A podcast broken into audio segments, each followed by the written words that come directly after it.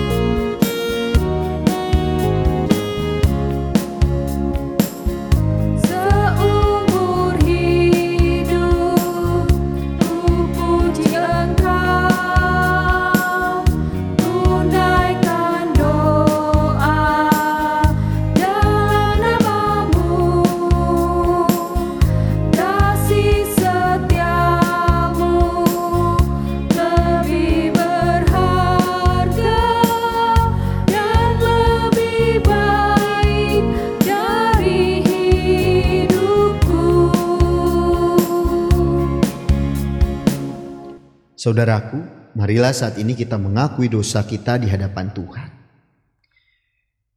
Ya Allah Bapa kami yang baik, betapa banyak kesalahan dan perbuatan yang telah kami lakukan.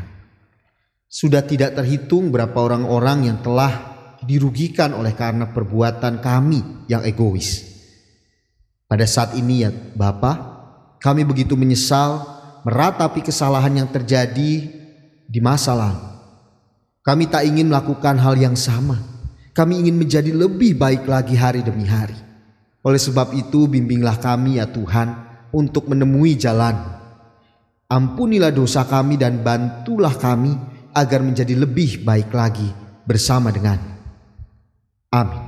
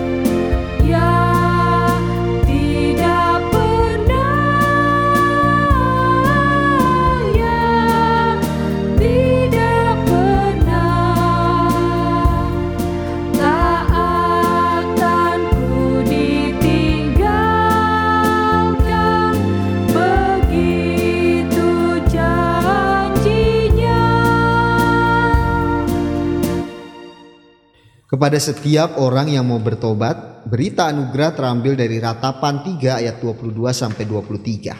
Tak berkesudahan kasih setia Tuhan, tak habis-habisnya rahmatnya, selalu baru tiap hari, besar kesetiaan. Demikianlah berita anugerah dari Tuhan.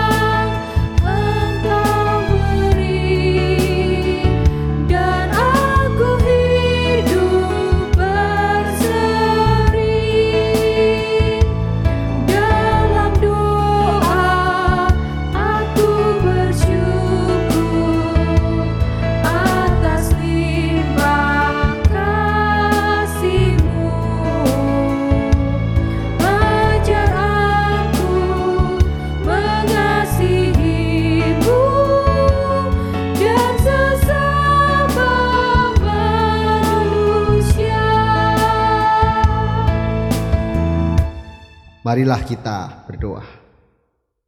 Ya Tuhan, tuntunlah kami untuk mendengarkan sabdamu. Biarlah dengan sabdamu ini kami dapat belajar untuk hidup lebih baik lagi, hari demi hari. Di dalam nama Tuhan Yesus Kristus, Sang Sabda yang hidup kami berdoa. Amin.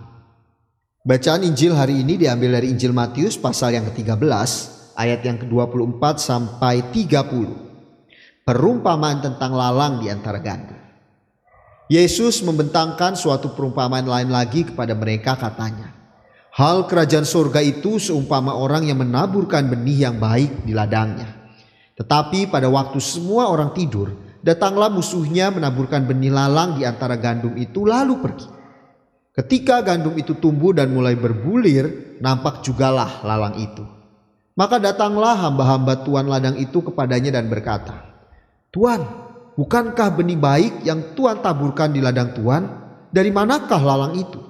Jawab Tuan itu, seorang musuh yang melakukannya. Lalu berkatalah hamba-hamba itu kepadanya, Jadi maukah Tuan supaya kami pergi mencabut lalang itu? Tetapi ia berkata, Jangan, sebab mungkin gandum itu ikut tercabut pada waktu kamu mencabut lalang itu. Biarkanlah keduanya tumbuh bersama sampai waktu menuai. Pada waktu itu aku akan berkata kepada para penuai, kumpulkanlah dahulu lalang itu dan ikatlah berkas-berkas untuk dibakar. Kemudian kumpulkanlah gandum itu ke dalam lumbungku. Demikianlah firman Tuhan yang berbahagia adalah bagi setiap kita yang mendengarkannya, memelihara dalam hati dan dengan sukacita melakukan. Haleluya. Lalang di tengah gandum. Saudaraku, ada seorang murid yang sedang kebingungan. Kemudian ia ingin mencari kunci hidup sukses. Dan kemudian ia bertanya kepada gurunya. Kepada gurunya ia bertanya, "Guru, apa yang harus aku lakukan agar hidupku bisa sukses? Bisa berhasil?" Guru itu menjawab, "Kuncinya hanya satu. Kuncinya adalah terus bertumbuh." Kemudian murid ini pun bingung, apa maksudnya? Terus bertumbuh, apa maksudnya guru? Kemudian guru ini ber, menjawab, teruslah bertumbuh di setiap keadaan hidupmu. Baik ketika orang-orang sedang memujimu, baik pula ketika orang-orang sedang menjatuhkanmu, teruslah bertumbuh.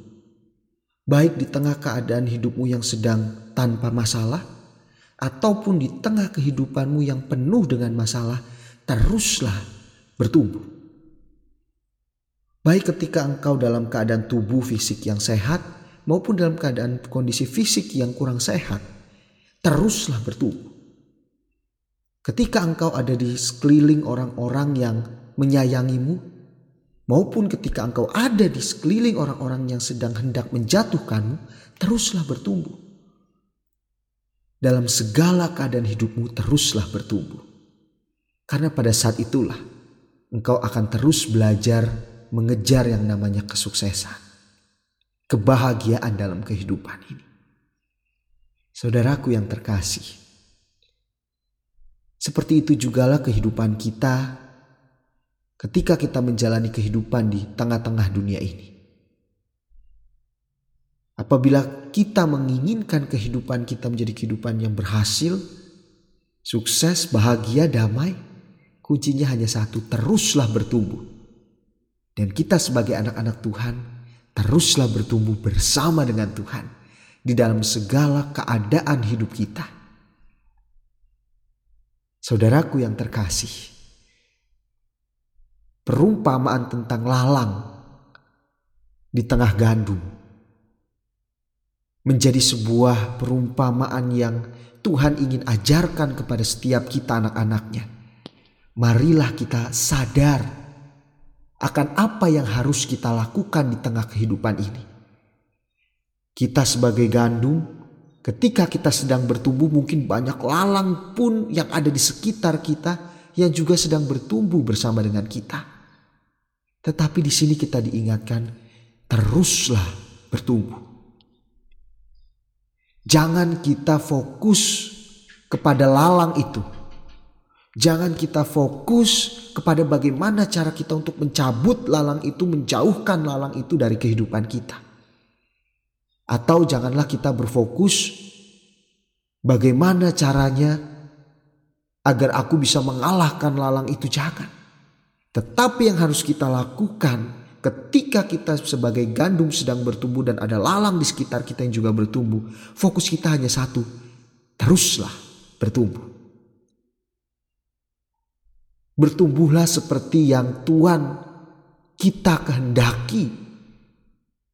Ketika seorang menaburkan benih gandum, walaupun lalang itu juga ada karena ada musuh yang menebarkan benih lalang itu. Pastinya harapan dari yang Tuhan yang menaburkan benih gandum itu adalah gandum itu tetap bertumbuh dan menghasilkan buah bulir yang baik. Dan inilah yang seharusnya menjadi fokus kehidupan kita. Teruslah bertumbuh sehingga kita mampu untuk berbuah, menghasilkan buah yang baik, tidak tergantung oleh apa pun keadaan yang ada di sekitar kita. Mengapa? Fokus kita diarahkan kepada yang namanya pertumbuhan. Mengapa kita tidak boleh fokus kepada lalang yang ada di sekitar kita? Karena itulah kenyataannya. kenyataannya kita hidup bertumbuh bersama dengan lalang-lalang yang ada di sekitar kita. Janganlah kita menghabiskan waktu kita hanya untuk menyingkirkan lalang-lalang yang ada di sekitar kita. Sehingga kita kehabisan waktu untuk bertumbuh sebagai gandum yang harusnya menghasilkan bulir gandum yang baik. Sebagai contoh, di tengah keadaan yang ada saat ini, apabila kita hanya fokus kepada keadaan saat ini yang memprihatinkan, kita tidak mampu untuk bertumbuh seperti yang Tuhan kehendaki. Kita tidak akan tahu apa yang harus kita lakukan seperti yang Tuhan kehendaki dalam hidup kita. Kita hanya kehabisan waktu untuk melihat meratapi keadaan saat ini. Ekonomi keluarga susah, ngapa-ngapain pun susah, semua serba terbatas. Untuk ke gereja pun bahkan masih belum bisa bersama-sama. Kalau memang hanya ini yang menjadi fokus kehidupan kita, kapan aku bisa ke gereja lagi? Kapan aku bisa ke gereja lagi? Kita akan kelupaan, kehabisan waktu untuk menumbuhkan iman kita secara pribadi dengan Tuhan.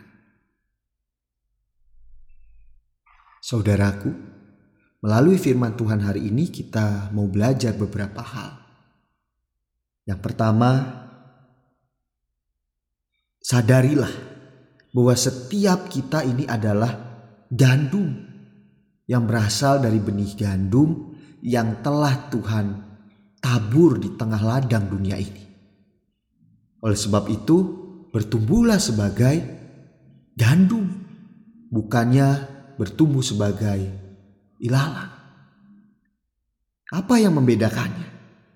Ketika kita bertumbuh sebagai gandum, pastinya pikiran kita, hati kita, perilaku kita menampakkan kita sebagai gandum, anak-anak Allah. Sehingga yang kita tebarkan adalah kebaikan, kasih, pengharapan. Bukannya malah kita sebagai seperti ilalang yang kita hadirkan di tengah-tengah dunia ini adalah ketakutan, yang kita hadirkan di tengah-tengah dunia ini adalah keputusasaan, yang kita hadirkan di tengah-tengah dunia ini adalah keluhan demi keluhan, bukan. Ya sehingga kalau yang kita taburkan itu semua akan membuat orang lain malah menjadi takut menjalani kehidupan. Tidak. Kita bukannya ilalang, kita adalah gandum. Oleh sebab itu hiduplah, bertumbuhlah seperti gandum. Kemudian hal yang berikutnya yang bisa kita pelajari dari firman Tuhan hari ini adalah ketika kita adalah gandum, Tuhan kita yang menabur kita mengharapkan bulir-bulir gandum yang baik.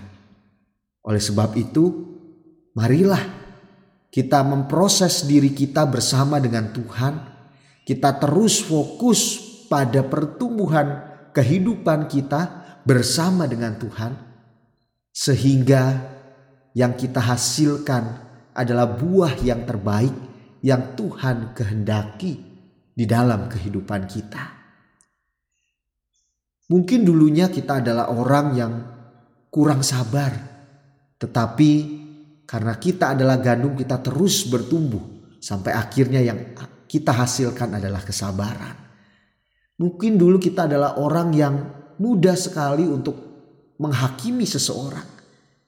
Tetapi biarlah kiranya ketika kita menyadari bahwa kita adalah gandum sehingga membuat kita bertumbuh dan pertumbuhan kita itu terlihat sehingga kita menjadi orang yang belajar bukan sangat mudah menghakimi tetapi belajar untuk memahami orang lain. Kemudian, hal yang berikutnya yang kita pelajari dari firman Tuhan hari ini adalah ketika kita terus bertumbuh, lihatlah penyertaan Tuhan di dalam pertumbuhan kita. Kita bertumbuh bukan karena diri kita sendiri, karena kalau karena kekuatan kita sendiri, kita akan sangat mudah terhimpit oleh ilalang yang ada di sekitar kita. Tetapi hanya karena penyertaan Tuhanlah membuat kita bisa bertumbuh maksimal seperti yang Tuhan kehendaki. Ada penyertaan Tuhan di dalamnya. Rasakanlah Tuhan menuntun, mengingatkan kita, menguatkan, menghibur kita. Di situlah letak penyertaan Tuhan dalam kehidupan kita. Saudaraku yang terkasih, teruslah bertumbuh sebagai gandum di tengah ladang dunia saat ini, khususnya di tengah keadaan yang ada saat ini. Janganlah kita malah menjadi seperti ilalang yang menebarkan ketakutan oleh karena berita bohong, berita yang belum pasti kebenarannya. Janganlah kita menjadi ilalang yang hanya sekedar yang kita munculkan adalah keluhan demi keluhan di tengah keadaan yang seperti ini sehingga membuat orang lain sulit untuk bersyukur. Janganlah kita menumbuhkan atau janganlah kita memperlihatkan keputusasaan sehingga orang-orang yang ada di sekitar kita ketika menjalani keadaan yang seperti ini sangat mudah berputus asa. Tidak. Munculkanlah pengharapan, munculkanlah kasih, sukacita sehingga orang-orang yang ada di sekitar kita pun dapat merasakan itu semua. Selamat hari Minggu, saudaraku. Selamat bertumbuh sebagai gandum di tengah ilalang yang ada di sekitar kita.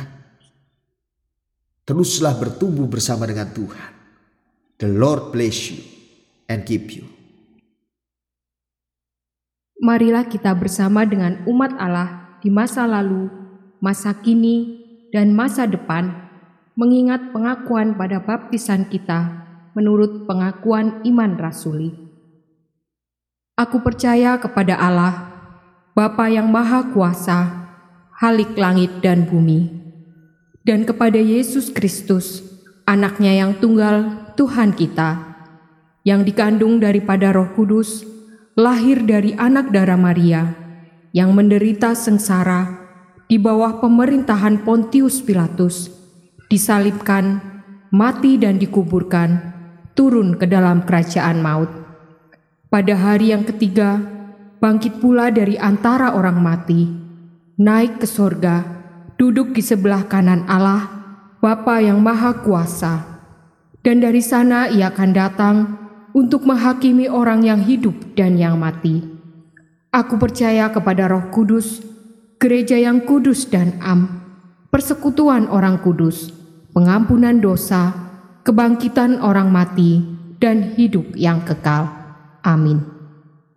Marilah kita bersama-sama menaikkan pokok-pokok doa syafaat kita. Ya Allah Bapa kami yang sungguh baik, kami bersyukur untuk kesempatan di mana kami boleh bersekutu bersama kembali pada saat ini. Walaupun sudah kurang lebih empat bulan kami bersama-sama beribadah di rumah kami masing-masing, tetapi biarlah kiranya kasih Tuhan senantiasa kami rasakan dan kasih Tuhan itulah yang menjadi pengikat bagi setiap kami walaupun mungkin jarak kami terpisahkan.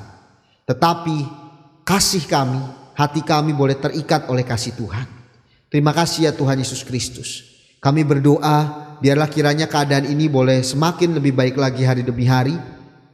Biarlah kiranya kami sebagai warga negara, kami lebih memulai dari diri kami masing-masing untuk membuat keadaan ini menjadi lebih baik lagi.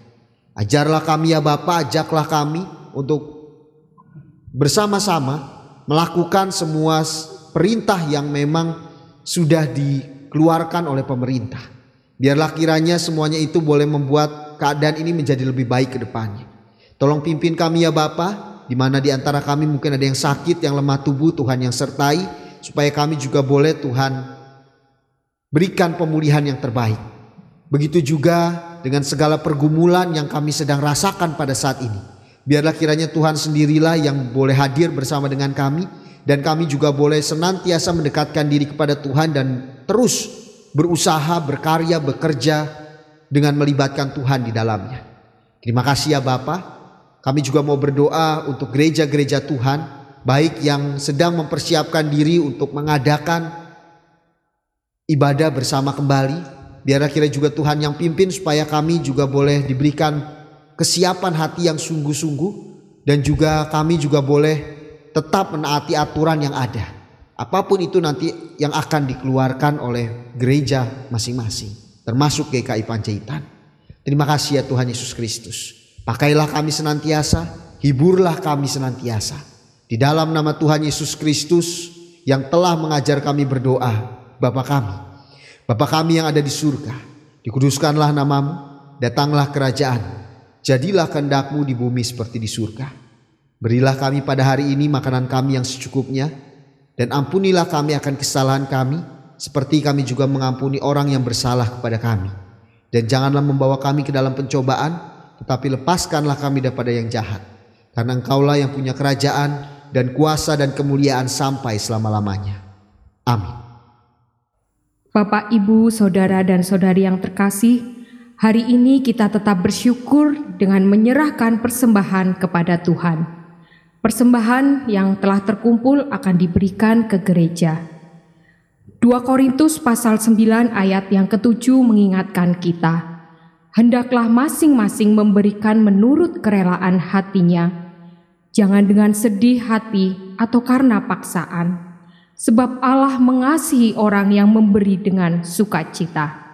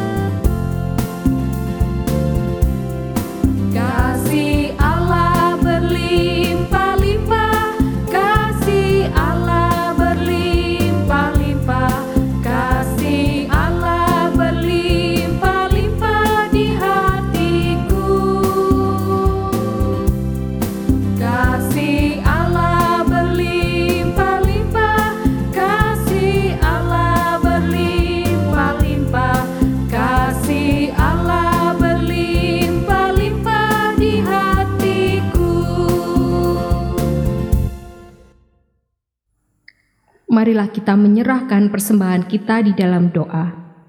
Mari kita berdoa.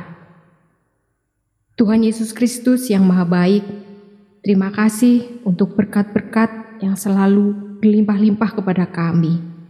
Dan saat ini Tuhan, kami bersyukur karena kami diberi kesempatan untuk memberikan sebagian berkat yang asalnya dari Engkau. Biarlah Bapa, persembahan ini dapat dipergunakan sebaik-baiknya oleh gerejamu di tempat ini. Dan biarlah majelis di tempat ini dapat mempergunakannya seturut dengan kehendakmu. Terima kasih ya Bapa, hanya di dalam namamu kami sudah berdoa. Amin. Saudaraku, teruslah bertumbuh, bahkan di saat kita sedang menghadapi tantangan sekalipun. Jangan berputus asa, ada Tuhan yang akan senantiasa menemani hidup kita. Dalam nama Yesus, Tuhan.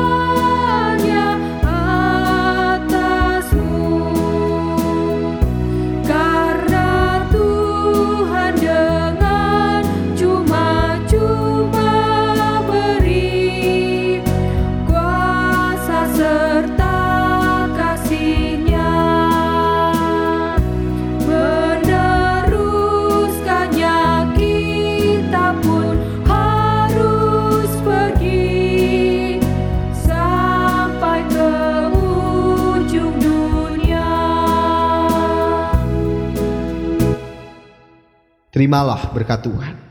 Tuhan memberkati dan melindungi engkau. Dia menjaga engkau menghadapi pergumulan. Dia menemani engkau di masa-masa sulit ini. Dia merengkuh engkau dalam kehangatan dan memperlengkapi engkau dengan pengharapan.